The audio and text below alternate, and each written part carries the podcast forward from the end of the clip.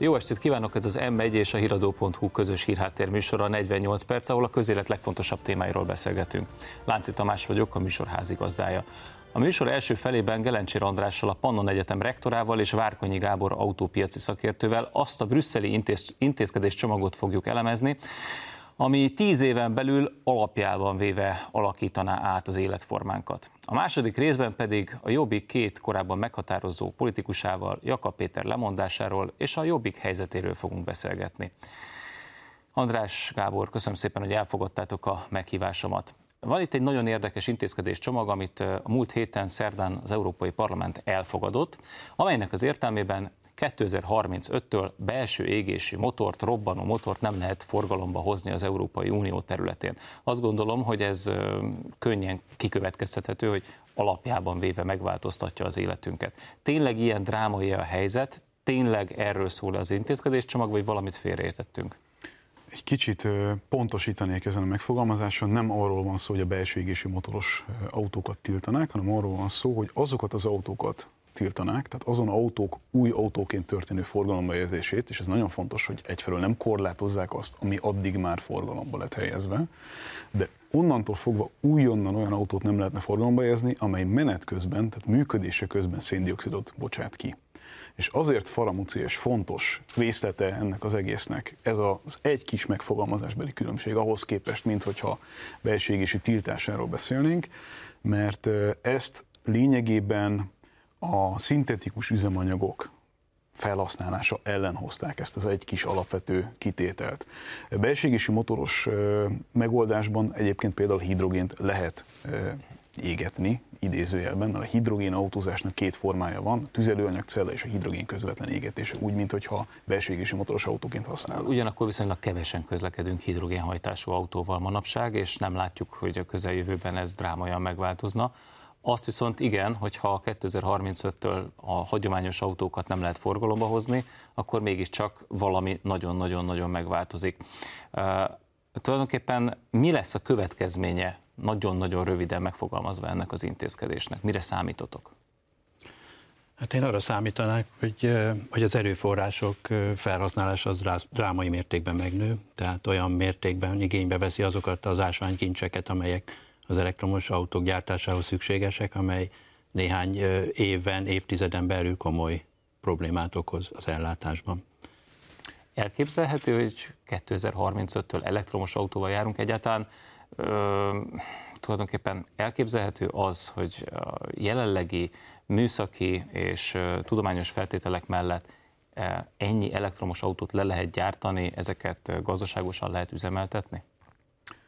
Több súlyos kérdés is felvetődik ezzel kapcsolatosan. Az első rögtön az, hogy miféle eh, egyoldalú és, eh, és elég, elég nehezen kontrollálható függőségi viszonyt fogunk ezzel kialakítani a világ azon országaival szemben, amelyek alapvetően birtokolják azokat a nyersanyagokat, amelyek kellenek azokhoz az akkumulátorokhoz, amelyekről most, a mostani tudásunk szerint beszélünk ezekben az autókban. Ez az egyik probléma. A másik probléma, hogy a, az elektromos autók, vagy az elektrifikált autóknak a piaci részesedés növekedése egyébként is ötszörös, hatszoros ahhoz képest, amivel most a legfejlettebb országokban lépést tudnának tartani, ha a töltési infrastruktúrát nézzük. Tehát nagy valószínűséggel azokkal a szabályozókkal, amelyeket eddig hoztak az elektromobilitás kapcsán, egyébként is elérnénk valahol a 60-70 százalék körüli piaci részesedést erre az időszakra, és egy normálisabb mixben tudnánk diversifikáltabb módon közlekedni zöld tematikában. Az, hogy egyoldalúan előírjuk lényegében az Európai Unió területén azt, hogy hogyan illene, illetve pontosabban hogyan kellene innentől fogva autóznunk, az pedig technológiai értelemben fog egyfajta lemaradást okozni számunkra, mert hogy a világ többi részén ez nincs így. Számos előadásodat meghallgattam, illetve elolvastam a napokban megjelent cikket, a, pontosabban interjút, amiben részletesen beszéltél arról, hogy egyáltalán van-e értelme ezeknek az intézkedéseknek. Tehát amit ma zöldítés kapcsán az Európai Unió megfogalmaz, annak egyáltalán van-e valódi környezeti hatása, vagy adott esetben éppen ellenkező hatást érünk el vele? Hát én azt gondolom, hogy ugye a világ az a az az energiára fókuszál, és hát azon belül is ugye a széndiokszid kibocsátást igyekszik mérsékelni, ugye ezek az intézkedések is azért születtek, miközben van egy ennél súlyosabb korlát a Földön, az pedig az anyag rendelkezésre állása. Ugyanis az energia az a Földön nyílt formában van rendelkezésre, azaz a, a napból folyamatosan érkezik, anyag viszont 4,5 milliárd éve nem jön a Földre. Tehát azzal az anyaggal tudunk gazdálkodni, ami véges. És ezek a, az anyagok, ezek konzervek formájában állnak a rendelkezésre, ezeket ásványkincseknek vagy nyersanyagoknak nevezzük, és ezek geológiai időskálán jönnek létre, tehát több millió év, több százmillió év alatt alakulnak ki, és ezeket a konzerveket itt nyitogatjuk egymás után. Most Ezek... nem csak az olajról vagy a gázról beszélsz, hanem nagyjából azokról az anyagokról, ami ahhoz kell, hogy mondjuk legyártsunk egy napelemet például, vagy egy, vagy egy szélkereket, amely rendkívül energiaigényes is, és rendkívül nyersanyagigényes. Mi kell például egy, egy, egy szélkeréknek a legyártásához?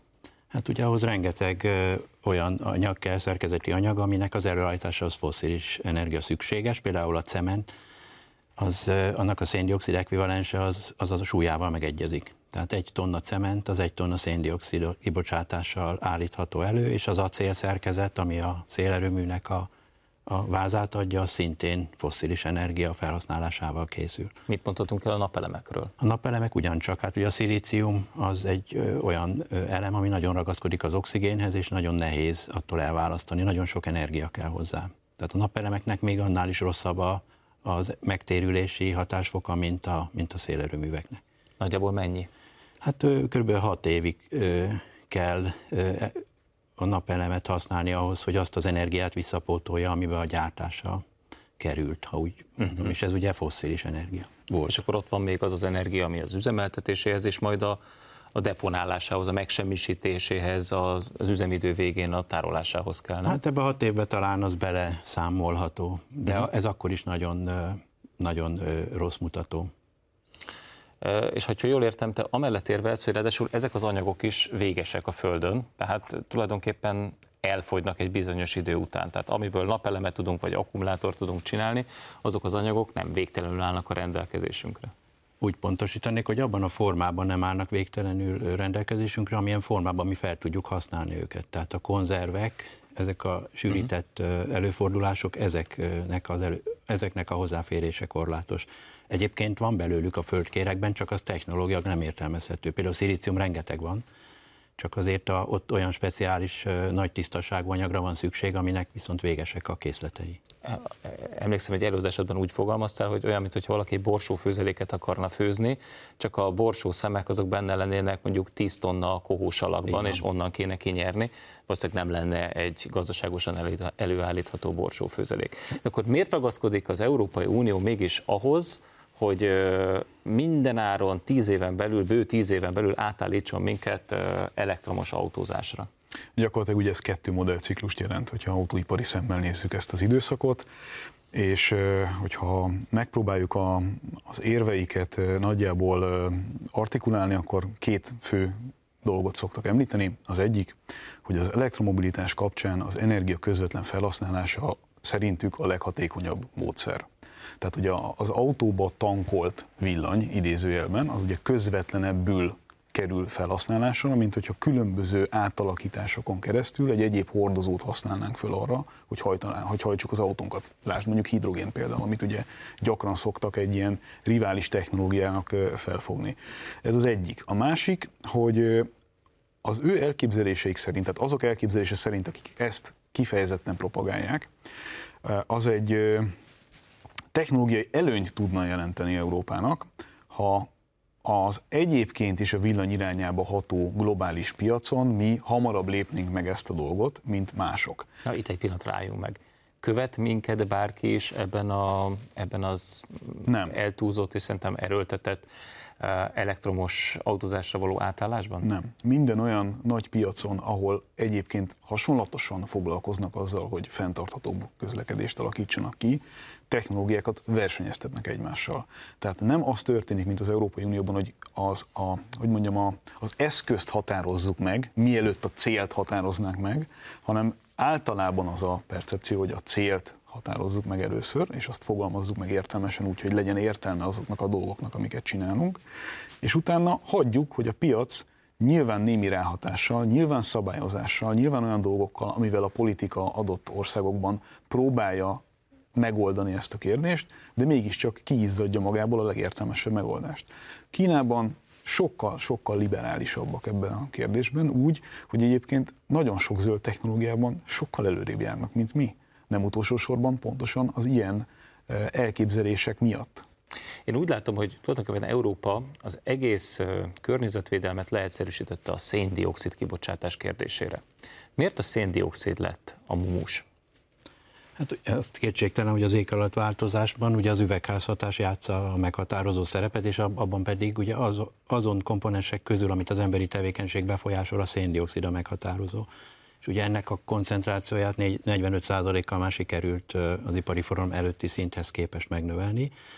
Hát úgy tűnik, hogy, hogy így a, a politikai üzenet az mindig az, hogy le kell egyszerűsíteni bonyolult folyamatokat, és itt a széndiokszidra esett a választás, illetve az üvegházhatásra, és innentől kezdve már csak ez megy tovább, és erre ö, próbálják a nagy rendszereket optimálni, ezekre átállítani. De ha jól értem a szavaidból, úgy veszem ki, hogy nem csak széndiokszidról kell beszélnünk, nem. hogy a környezetterhelésről. Nem.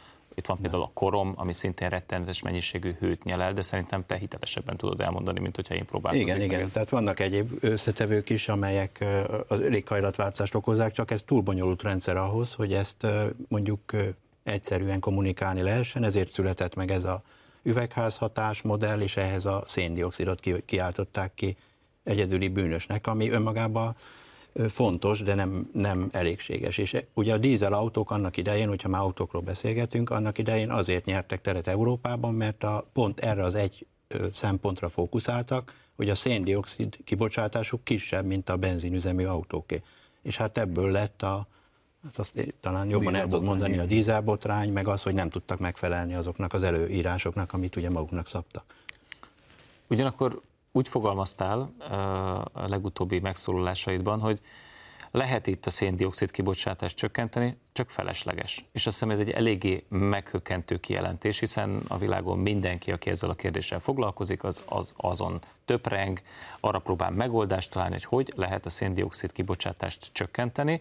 Te pedig, ha jól értem, amellett érvelsz, hogy voltak éppen már elkéstünk, illetve nem a lényegre fókuszálunk nem, olyan értem, nem felesleges, nyilván, hogyha ha minden feltétel adott lenne hozzá, akkor természetesen ez lehetne egy cél, csak az a baj, hogy azokkal az eszközökkel, amelyekkel ezt elkívánjuk érni, több kárt okozunk, mint hasznot.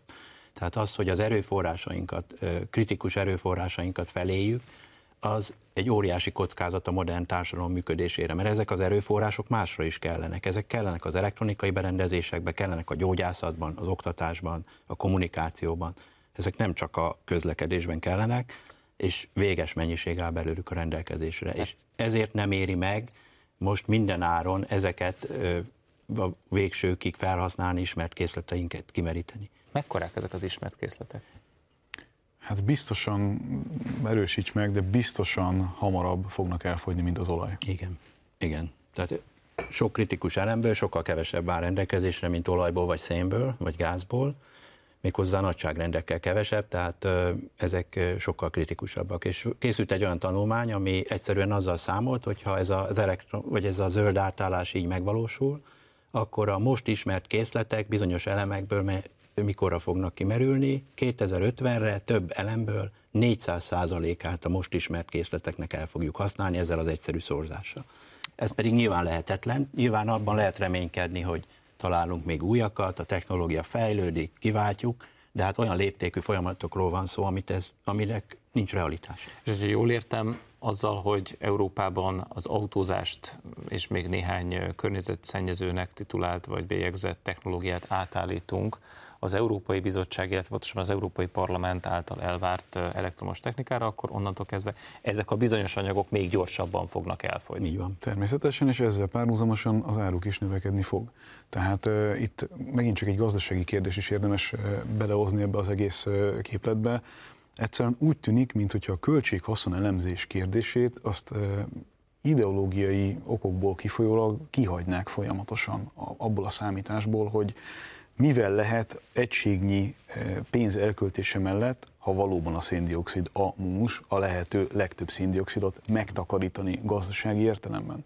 Tehát agyon szabályozunk egy olyan iparágat, amely 16 millió munkahelyet biztosít az Európai Unióban, ráadásul olyan munkahelyeket, amelyek szociálisan biztonságosak.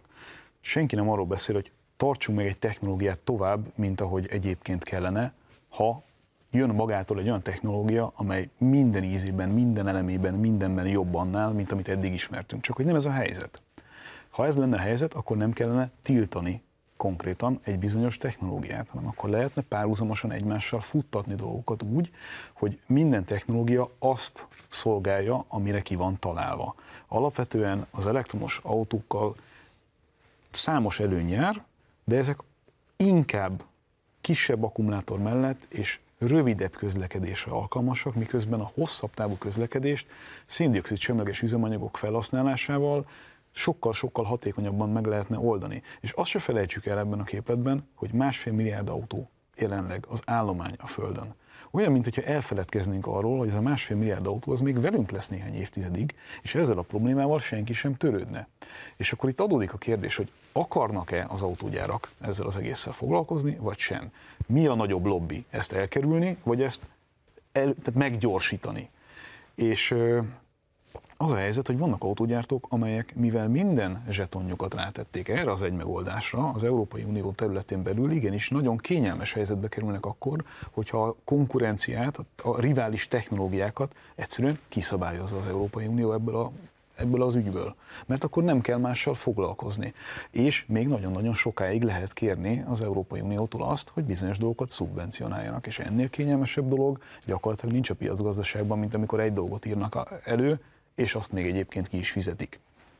Az előbb azt akartam megkérdezni, hogy akkor most az ideológia, a zöld ideológia győzötte az józanész fölött, de akkor ezek szerint ebben van egyfajta gazdasági motiváció is. Mindig, mindenben, természetesen. Uh-huh.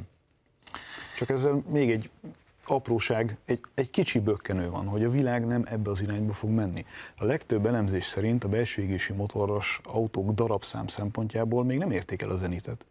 Még van itt egy viszonylag nagy ázsiai térség, egy nagyon nagy ázsiai térség, ahol milliárdnyi ember fog autóba ülni, és azok belső égési motoros autókat fognak vásárolni, egész egyszerűen azért, mert nem lesz meg az anyagi lehetőségük arra, sem az infrastruktúrájuk, hogy villanyautóval közlekedjenek.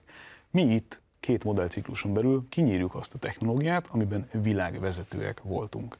Azok a mérnökök el fognak menni Kínába, és Kínába fogják megoldani a kínai autógyártóknak azt, hogy ezeket a piacokat hatékonyan meg tudják dolgozni, mi pedig szépen elsorolódunk a jelentőségünket tekintve a világ autópiacán. És nyilván munkahelyeket veszítünk, és a Pontosan. többi, és a többi. Tönkreteszünk egy sikeres iparágat, mit nyerünk a másik oldalon? Lehet-e azt mondani, hogy ez az áldozat tulajdonképpen kifizetődő? Tudom, hogy mi lesz a válasz, de azért kíváncsi vagyok, hogy mégis hogy kell ezt elképzelnünk? Tehát akkor gyártjuk a szélkerekeket, gyártjuk az akkumulátorokat és a napelemeket, hova fog mindez vezetni? Hát oda, hogy ezeket a, a készleteinket, amik ráadásul nem is a közelben vannak, hanem olyan országokban, amelyeket nem is tartunk annyira stabil és biztonságos országnak, azok, azokat a készleteinket nagyjából ki fogjuk meríteni, vagy annyira megdrágul, hogy gyakorlatilag ez a, ez a, ez a vonal zsákutcának bizonyul. Egyébként én azt gondolom, hogy itt ez a közlekedés kultúra reformja miatt, vagy helyett ez, ez a egyszerű átállás, ez nem, megvalósítható. Tehát itt azért szerintem a közlekedés logikájának újragondolására is szükség van. Tehát a, a közösségi közlekedés, a megosztott, vagy hogy mondják ezt, shared economy, autómegosztás és egyéb. És ez, ez már azért azt gondolom, hogy néhány nagyvárosban elkezdődött egyszerűen a parkolási lehetetlenségek miatt már sokan fel, feladták azt, hogy, hogy saját autójuk legyen. Egy előadásodban úgy fogalmaztál, hogy 20 éven belül katasztrófa várható. Itt elsősorban a, a klíma összeomlására utaltál, ha jól értettem, vagy legalábbis arra, hogy azok a folyamatok, amelyek zajlanak a környezetünkben, azok nem leállíthatók, nem megfékezhetők.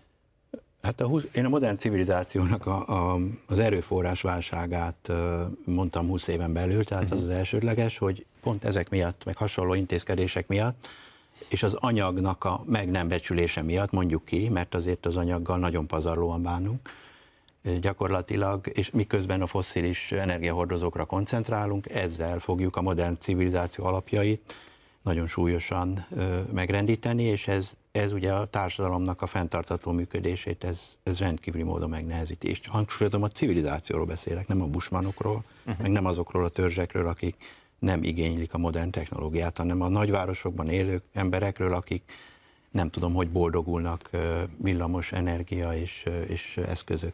Igen, akkor anyagról beszélsz, akkor csak hogy a nézők kedvéért tegyük világossá, hogy itt például olyanokra gondolunk, mint mondjuk a, a beton előállításához szükséges homok, ha jól értem, igen. amiről ugye az átlagember azt gondolja, hogy na, az biztos van elég a földön, igen. de mint megtudtam tőled, a sivatagi homok például teljesen alkalmatlan igen. beton készítésére, arra csak a folyami homok. Folyami meg a bánya homok, jó, bánya aminek hát véges a. Így van. Tehát ezeknek az anyagoknak a kifogyását vetíted előre, és azt mondod, hogy 20 év múlva lényegében, ha ilyen pazarlóan bánunk ezekkel az anyagokkal, akkor lényegében nem lesz kobalt, nem lesz vas, nem lesz, de hát... Igen, igen, tehát az a baj, hogy a, mondjuk a homokból ugye valóban sok van, de sok is kell.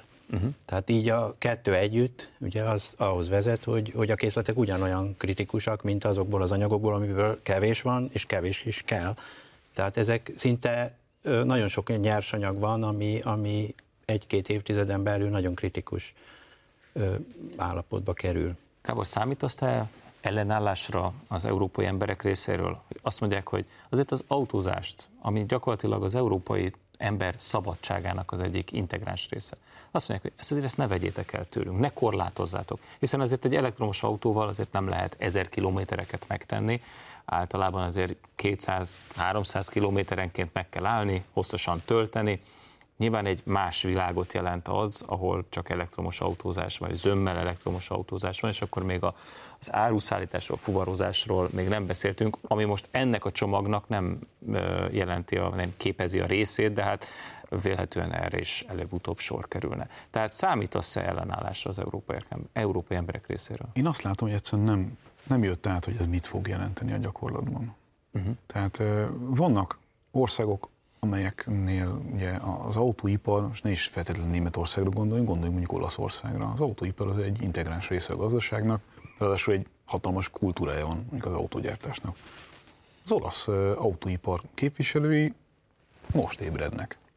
Miközben 5-6 éve arról beszélgetünk, hogy ebbe az irányba megyünk, és nagyon egyértelmű jelek voltak arra, hogy az EU főleg a dízelbotrány óta átesett a ló messze túloldalára az autóipar regulázásával kapcsolatosan, és olyan előírásokat és olyan elképzeléseket erőltetnek át, amelyek egyszerűen nem, nem megvalósíthatóak ebben a formában. Egyszer, tehát én azt gondolom, hogy a fair, a korrekt az az lenne a politika részéről, hogy akkor valaki kiáll és elmondja, hogy ez mivel jár. Elmondja, hogy ez azzal jár, hogy átlagembernek nem lesz autója elmondja, hogy azzal jár, hogy a meglévő autóparkot fogják tovább használni, ami tovább fog szennyezni, ami öregebb autókat fog jelenteni, és légszennyezettség szempontjából azt, amit egy elektromos autóval megnyerünk egy városban, azt egy csomó öreg autóval sokkal rosszabb helyzetbe fogjuk hozni. Vannak ilyen dolgok, amikről egyszerűen nyíltan kéne beszélni, miközben itt mindenki mismásol arról, hogy az elektromos autó elérhető lesz, meg a töltőhálózat az majd fog ezzel együttemben fejlődni, meg összességében majd olcsóbb lesz, miközben mindannyian tudjuk, hogy nem lehet olcsóbb, hiszen bele sincs számolva például a jövedéki adó kérdése ami egy nagyon fontos része minden nemzeti költségvetésnek. És az elektromos autózás adókedvezményei ebben a formában nem fenntarthatóak ez is eléggé világos, amikor ez elér egy olyan elterjedtségi fokot, akkor a kasszához lesz mindenki e, hogy mondjam, parancsolva, idézőjelben, és e, már most is láthatjuk azt, hogy mi, milyen drágaság van az autóiparban, és még messze nem tartunk ott, hogy ennek a teljes, hogy mondjam, kifejlettségét a, a, a hatásainak láthassuk. Hát ez a drámai végszó. András Gábor, köszönöm, hogy itt voltatok és megosztottátok velünk a gondolatokat. Most egy rövid szünetet tartunk, de a műsort a hírek után folytatjuk, ugyanitt az m és a híradó.hu-n tartsanak velünk a második részben is. Ez itt a 48 perc, a műsor második részében Vargadam Andreával, a Jobbik volt országgyűlési képviselőjével, és Volner Jánossal, a Jobbik volt frakcióvezetőjével beszélgetünk Jakab Péter lemondásáról és a Jobbik helyzetéről. Andrea, János, köszönöm szépen, hogy elfogadtatok a meghívást. Azért hívtalak titeket, mert azt feltételezem, hogy tisztában vagytok a Jobbik belső ügyeivel, követitek, hogy mi zajlik a Jobbikban. Nagyon különös a helyzet, hiszen a magyar belpolitika tulajdonképpen a választások óta csöndes. Egy párt körül azonban botrányok vannak, ez a Jobbik. Volt egy tisztújítás, megválasztották Jakab Pétert, majd lemondott. Lemondott, vagy lemondották? Nagy kérdés, de azért azt hadd mondjam el, hogy tíz műsoridő sem lenne ahhoz elég, hogy pontos elemzését adjuk annak, ami mára kialakult.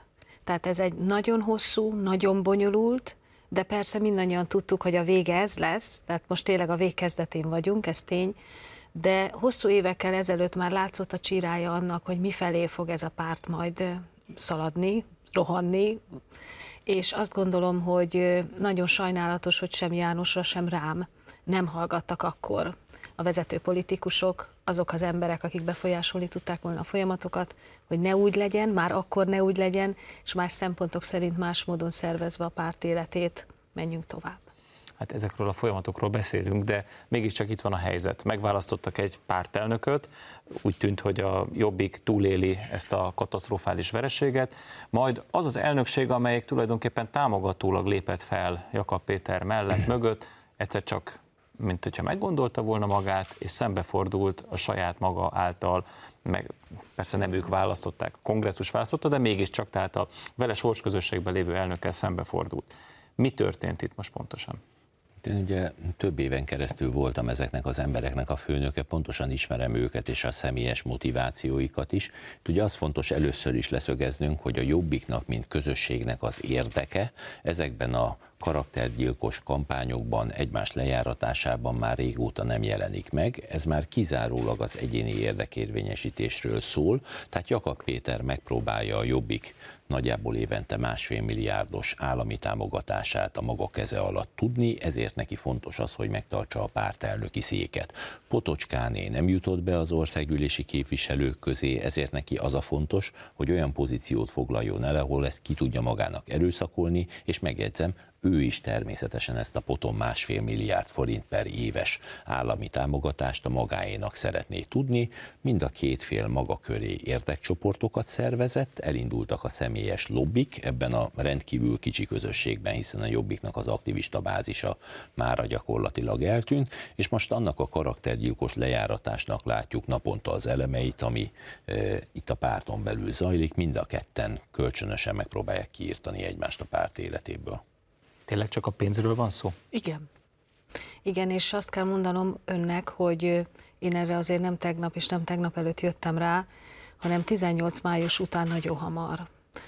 18 májusban János tanúja volt, ennek azt mondtam, a közösségnek 26-an voltunk, hogy figyeljetek ide, Vona Gábort mi csak 26-an tudjuk pótolni, mert nincs köztünk egyetlen egy olyan karakter sem, akit úgy lehet felépíteni, és olyan hatású tud lenni, olyan lenyűgöző, mint ő volt, de 26-an viszont tudunk olyan politikát csinálni, kiosztva mindenkinek a maga szerepeit, amivel pótolni tudjuk, és a veszteségeket, amit általa vesztünk el, azokat nem elveszíteni.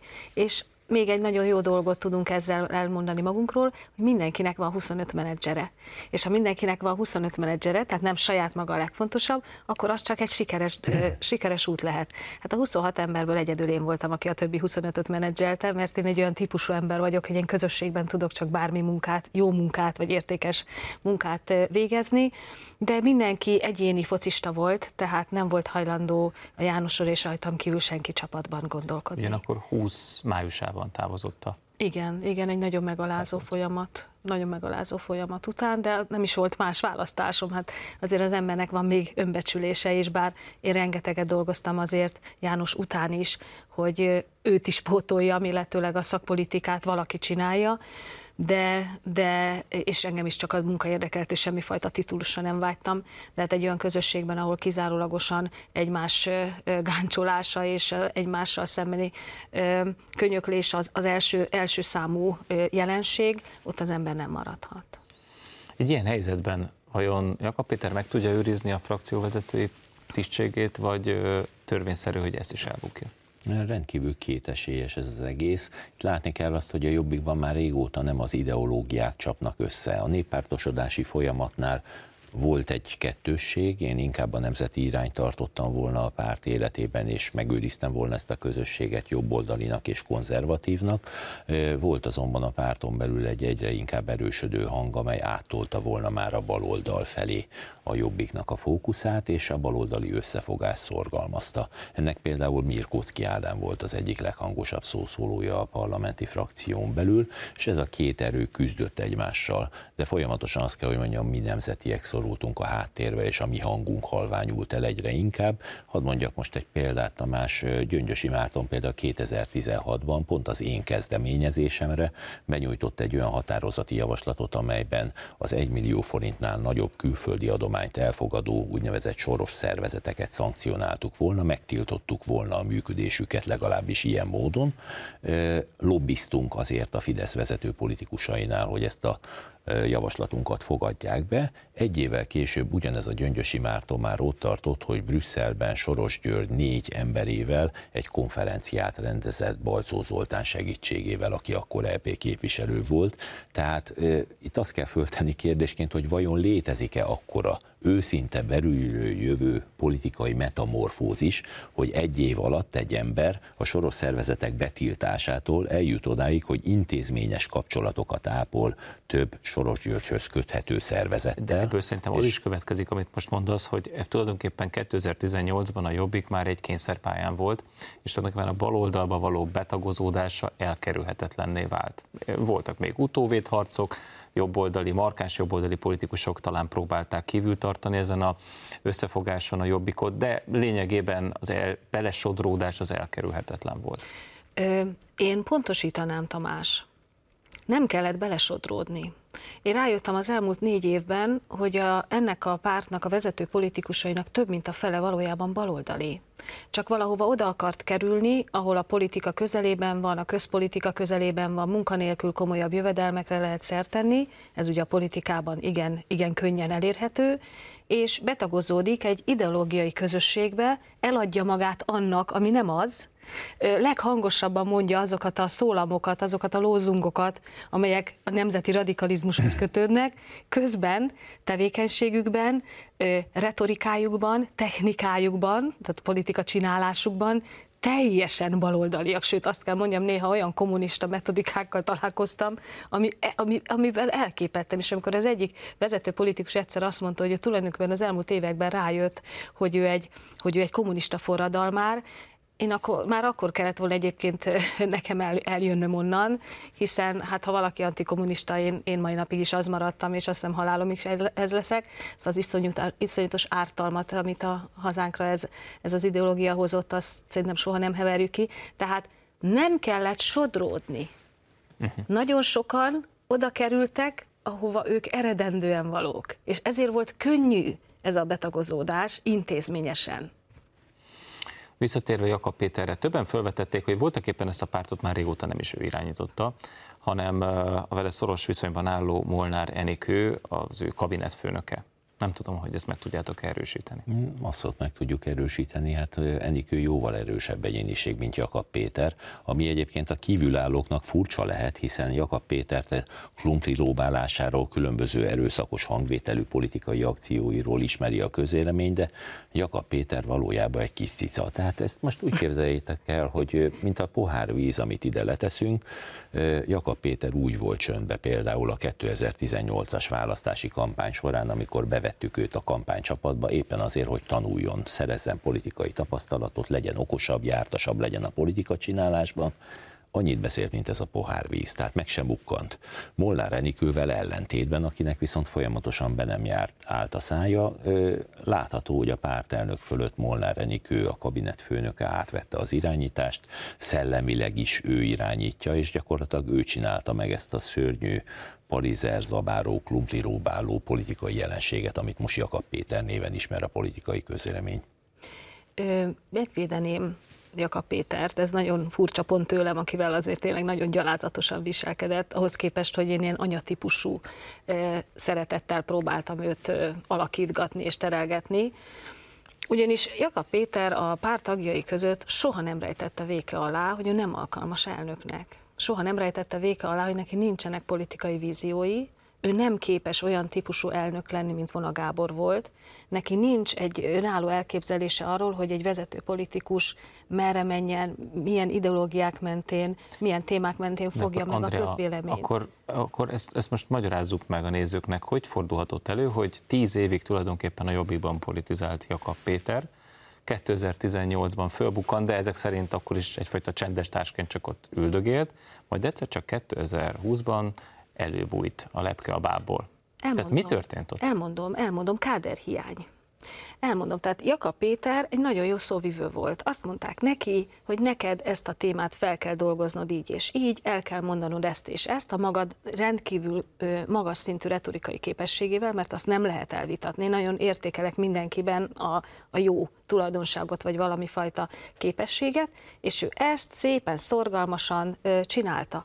Igen ám, de, de Schneider Tamás Gyöngyösi Márton páros idézőjelben megbukott az EP-vel, onnantól kezdve elkezdett a vezető politikusok között egy helyezkedési vágy kialakulni, hogy hát ha vezető politikusokkal válhatnak a párban olyanok, akik egyébként soha az életben nem lehetnének azok, és ezek a gyengébb képességű, igazából alsztalan országgyűlési képviselők a Jobbikból, hatan, kitalálták maguknak, hogy ők alkotnak egy csapatot, aki majd ezután vezetné a jobbikot, és miután egyikük sem volt elég karakteres ahhoz, hogy vezető legyen, ők kérik fel Jakab Pétert arra, hogy állj az élünkre, és mi mint egy csapat induljunk 2020-ban. Nagyon sok újságíró vetette már föl ezt a, ezt a helyzetet, és mindenkit ki kellett javítanom, hogy nem Jakab Péter választotta a csapatot, hanem a csapat választotta őt. És amikor a választmány előtt azt mondta, hogy én csak azért leszek pártelnök, és csak azért nyújtom be a, a, a erre irányuló nyilatkozatomat, mert ti akarjátok, hogy én elnök legyek, de én nem akarok, és ezt elmondta több mint száz ember előtt. Érti? Innentől kezdve senki Jakab Péter nev, legalábbis a szervezeten belül, senki az ő szemére nem vethet semmit. Ugyanis ő mit várt? Hogy az a csapat, aki őt kitalálja elnöknek, az majd csinál politikát mögé, az majd ad tartalmat mögé, politikai tartalmat mögé. És azért maradt a zsákkrumpli meg a tészta, mert ez az elnökség semmilyen politikai tartalmat nem adott mögé. Egyikük sem, hanem rábízták erre a bizonyos nagybefolyású, már mint Péterre nagybefolyású Molnár Enikőre, és Béres, Béres Ferenc Attila, vagy nem tudom, hogy hívják ezt a volt kommunikációs igazgatót. Tehát ebből a szempontból Jakab Péter ki volt szolgáltatva olyan embereknek a kommunikációt illetően, akik önmaguk sem értenek ehhez, nem tudnak ők sem politikát csinálni, és az elnökség pedig hagyta, hogy ezek az alkalmatlan emberek csinálják ő helyettük is a politikát. Tehát ez, azért mondtam, hogy ez egy sokkal komplexebb folyamat, mint hogy mi csak a felszínen kapargassuk és próbáljuk értékelni, hogy itt mi történt. Rendben. Ugyanakkor megtörtént a választás, sőt, lépjünk még egyet vissza. Hát ott volt az előválasztás. Azért ez a jobbik szempontjából egy csúfos bukás volt. Bizony. Utána jött a választás, a, a párt egyetlen egyéni mandátumot sem szerzett, a frakció a harmadára zsugorodott, és tulajdonképpen azt is mondhatnám, hogy Jakab Péter egy ügyes politikai húzással, még mielőtt bárki eszmélt volna, egy tisztújítást tartott, és megválasztotta magát elnöknek. De utána mi történt a következő három hétben a választástól a pucsig? Szerintem itt ugye azt fontos látni, hogy a Jobbik az olyan módon vett részt ebben az egész előválasztási folyamatban, hogy új szavazó tulajdonképpen már nem tudott a baloldalnak vinni. Korábbi Jobbik szavazók azok alapvetően vagy a Fideszhez pártoltak át, vagy a mi hazánkhoz. Ez vérmérséklettől, politikai meggyőződéstől függött, hogy kinek melyik volt a szimpatikusabb, de egy kétségtelen, hogy a Jobbik gyakorlatilag üres kézzel érkezett ebbe az összefogásba. Amit az összefogás leszereplése döntése után láthattunk, hiszen itt a baloldali összefogásról az bizonyosodott be, hogy mindössze egyharmados támogatottsággal bír Magyarországon, az már az volt, hogy Jakab Péter az annyira markánsan fémjelezte ezekkel a tényleg az alja népnek szóló, krumpli lóbáló, palizerevő akcióival a jobbikot, hogy úgy gondolták nagyon sokan, hogy úgy sincs más esély, csak Jakab Péter, meg fogják őt szavazni elnöknek, de láthatóan a párt intellektuálisan is kiüresedett, ahogy egyébként az Andrea mondja. Hozzáteszem egyébként, hogy ennek azért jó néhány évre visszamenőleg volt a gyökere, ez még a 2014-es néppártosodással indult el ez a folyamat, amikor folyamatosan a nemzeti érzelmű embereket lecserélték az újonnan jött jött szolgálatkész emberekre. Most mondok egy példát, az a Potocskáné, aki megpucsolta most Jakab Pétert, hát Andrá is nevet rajta, meg én is nem bántom, de hát nem ő a legélesebb kés a fiókban. Ő például úgy került be, hogy eh, elég komoly vitánk volt Vona Gáborral az elnökség ülésén, hiszen a pártnak volt olyan regionális igazgatója, aki közgazdász, egy kiváló nemzeti érzelmű ember, magas felkészültségről tett tanúbizonságot, sok évet tolta a jobbik szekerét, a Potocskánéról azt se tudtuk kicsoda. Tehát őt úgy hozta Vona Gábor, hogy van egy lengyel Robert nevű siófoki polgármester, akiről egyébként szintén többen nem tudtuk, hogy kicsoda, és annak van egy alpolgármestere, aki egy remek közgazdász, egy Potocskáné Kőrösi Anita nevű hölgy, legyen belőle akkor képviselő. És ez a kontraszelekció az több évvel ezelőtt kezdődött, és amikor az Andrea arról beszél, hogy nem volt alternatíva Jakab Péternél, akkor a párt kiüresedése az gyakorlatilag erre a folyamatra volt visszavezethető, hogy itt már tényleg vak, vak vezet világtalan. Tehát ha itt most valaki oda menne a Jobbik elnökségi ülésére, és mondjuk politikai stratégiáról kezdene beszélni, akkor a mélység van a vissza a szemekből, és nem értenék egyszerűen, hogy miről beszél, mert itt már a felfogási képességük sincs meg, hát az alapfogalmakkal nincsenek tisztában. Van még létjogosultsága a Jobbiknak? Megmenthető a Jobbik szerintetek? Ővelük nem. Még hadd egészítsem ki ki, amit János mondott. A május 7-i tisztújítást valóban Jakab Péter kezdeményezte, hogy június 30 előtt már ő újra pártelnök lehessen, de az a csapat, aki őt 20-ban vitte az elnökségbe, az a csapat a háttérben már dolgozott azon, hogy most jó, most engedjük, hogy ő megválasztassa magát, mert hiszen nem tudunk ellene tenni, de ez a csapat Potocskánéval az élen már azelőtt a pucsot megszervezte, hogy a május 7-i választás megtörtént.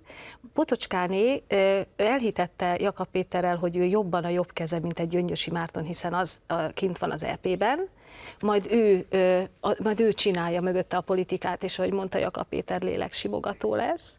És ez az asszony nem telik el két hét, és egy elnökségi ülésen elkezdi azt az embert, aki őben egyébként tényleg nagyon bízott, megpucsolni. Tehát én teljesen egyértelműen érzékelem és látom, és egyébként a kormánypártoknak kifejezett érdeke, hogy Jakab Péterre minden felelősséget rátoljunk, de az igazság az, hogy ebben a felelősség kérdésben az egész vezető politikusi gárda a jobbikban egyformán bűnös és hibás. És azért nem lesz változás, és azért nem lehet ezt a pártot talpra állítani, mert nem is engednek maguk közé intellektust. Csak az a lényeg, hogy még kiket tudnak arra a két helyre, ami majd megüresedik, úgy gondolják a Jobbik frakcióban, kik fognak tudni bemenni. Ők vélhetően a leendő elnökök próbálják majd saját magukat bevinni a parlamentbe, és az a maradék egy milliárd, vagy most nem tudom éppen majd mennyi lesz az éves költségvetés, abból mindegyikük még jól éljen egy pár évig. Én követem Jakab Péternek a Facebook oldalát, és arra lettem figyelmes, hogy olyan vidéki turnén van, ahol, mint hogyha azokat a helyszíneket látogatná végig, ahol az ő legelszántabb támogatói Igen. vannak. Ebből én arra következtettem, hát aztán erősítsetek meg, vagy száfoljatok, hogy ő tulajdonképpen most erőt gyűjt, és megpróbál visszavágni. Lehet ebből egy esetleg egy pártszakadás? Természetesen, csak amit most látunk, az nem a nagy politika, tehát ő nem országos politikát csinál, kamarilla politikának hívják Igen. ezt a folyamatot, amikor a párt belső erőforrásait a saját hatalmának a megerősítésére fordítja, és gyakorlatilag ennek a lázában ég az egész jobbik, már ami megmarad belőle. Egyébként így egy mondat erejéig visszakanyarodva Tamás a megjegyzésedre, hogy lehet-e felállás a hm. jobbiknak, már hogy lehetne? Nem. Hát, bocsánat, én 2018-ban már nem akartam Vona Gábor lemondása után átvenni a párt elnökségét, mert akkor már ennek az erjedésnek, vagy más szóval rothadásnak nagyon komoly jelei voltak. Tehát ez a, ez a csapat már akkor erkölcsileg, intellektuálisan, politikai tartalmát tekintve egyaránt alkalmatlan volt arra, hogy nemzeti politikát lehessen velük folytatni. Az ember megpróbálta visszakormányozni, de látszott, hogy egyre inkább kicsúszik a nemzeti oldal kezéből az irányítás, és egyre inkább ezek a figurák kerülnek előtérbe. Egyébként, amit az Andrea mondott, hogy volt olyan vezető jobbikos politikus, ez konkrétan Szabó Gábor volt a jobbik akkori pártigazgatója, aki 2018. szeptemberében már úgy fogalmazott, hogy ő legbelül mindig is egy baloldali forradalmárnak érezte magát, és őszintén beszélt beszéltek akkor arról, hogy Gyurcsány Ferencékkel, meg a szocikkal össze kell fogni. Hát ez volt az a pont, amikor én kiborítottam a bilit, és a közélemény előtt lelepleztem ezeket a szándékokat. Ők azt mondták, hogy hazudok, aznap kizártak a frakcióból, innentől fogva az én politikai karrierem elvált a jobbikétól, de mindesetre egy kétségtelen tény, hogy régóta érlelődött már ez a folyamat, tehát nem egy máró holnapra jött dolog. Jakab Péter ennek már most stílusos legyek, csak a végterméke ennek az egész folyamatnak. Megengedett, hogy még egy pár gondolatot elmondjak ezzel hogy? kapcsolatban? És most egy picit nagyobb dimenzióba helyezném, mint a jobbik, az egész ellenzék dimenziójába mindezt. Egyre inkább azt látom, hogy már nem csodálkozom azon, hogy különböző szakterületek kiválóságai miért nem akarnak bejönni a politikába.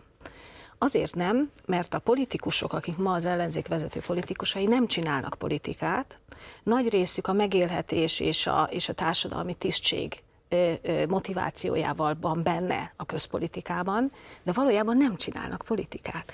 Az egész ellenzék nem csinál politikát, az egész ellenzék egy ilyen felháborodó csapat, tehát mindenem felháborodik, minden nap négyszer, ötször valamin felháborodik, de soha nem csinál a társadalmi igénynek megfelelő politikai programot, amit egyébként megértenek az emberek, amivel azonosulni tudnak, és ami számukra alternatívát tudna mutatni a jelenlegi kormánypártok adott politikai irányvonalával szemben.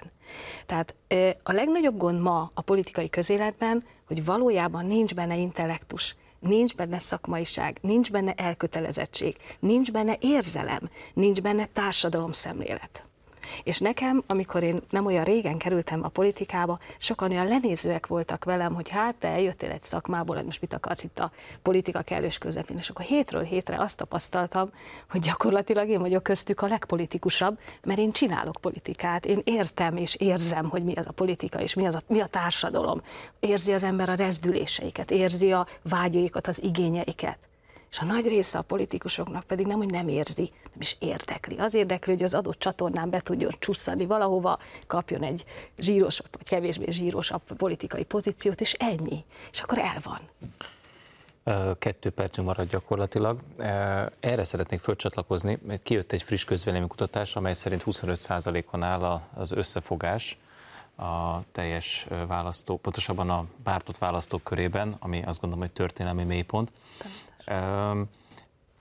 Nehezet fogok kérdezni, és próbáljátok meg egy mondatban, vagy két mondatban megválaszolni, merre tovább ellenzék. Nem csak a jobbikra gondolok, általában az ellenzékre.